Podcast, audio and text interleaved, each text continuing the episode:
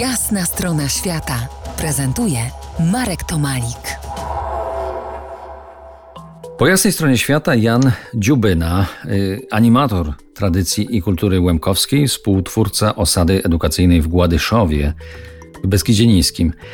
Y, Czy istnieje jeszcze język łemkowski, ale taki, w takim sensie powiedzmy żywym? Może, żeby nie mówić, y, czy istnieje, czy nie istnieje, to powiem dać to po naszemu, żebyście czuli, jak to звучить. Y, Думam, że jest to język podobny kus y, do ukraińskiego, do słowackiego, kus do polskiego, tak by można powiedzieć, ale po prostu to jest lemkiewski.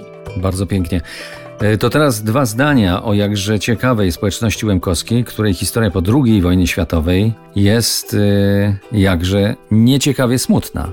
Gdyby tak y, mówić o tejże historii, to trzeba by wspomnieć też i o I wojnie światowej, która się przewaliła tutaj przez nasz teren, stąd te cmentarze z, z czasu I wojny światowej. Dalej próba tworzenia takiej trochę autonomicznej republiki łemkowskiej po I wojnie światowej, która no niestety się nie powiodła, mimo że Polsce udało się uzyskać niepodległość, to Łemkowie jakoś nie doczekali się troszeczkę swobody. No i potem druga wojna światowa, która niestety i w czasie wojny, zaraz po wojnie i potem ostatecznie w 1947 roku e, odbyły się te trzy wysiedlenia, dwa z nich na wschód i trzecie ostateczne na ziemię zachodnie północne, czyli tak zwane ziemie odzyskane, gdzie w sumie z około myślę 140 tysięcy Łemków mieszkających przed II wojną światową na Łemkowynie. No teraz niestety mieszka może ze 4 tysiące, może trochę więcej, a reszta rozsianych jest po całym świecie.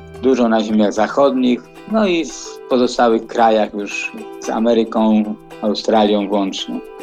A gdzie są tereny dawnych y, Łemków? Jaki obszar obejmowała ta wasza kraina? Łemkowyna to teren od y, Szczawnicy poczynając. Pierwsze cztery wsi się w powiecie nowotarskim, czyli Szlachtowa, Jaworki, Biała i Czarna Woda. No i potem idziemy dalej na wschód i wschodnia granica to okolice Komańczy, rzeka Osława, czyli za nią dalej byliby następni Czyli aż po, aż po Bieszczady.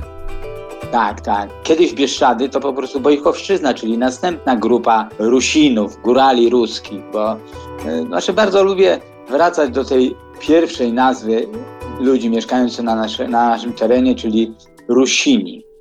Za kilkanaście minut zajrzymy do wnętrza Łemkowskiej Chyży. Zostańcie z nami. To jest Jasna strona świata w RMS Classic.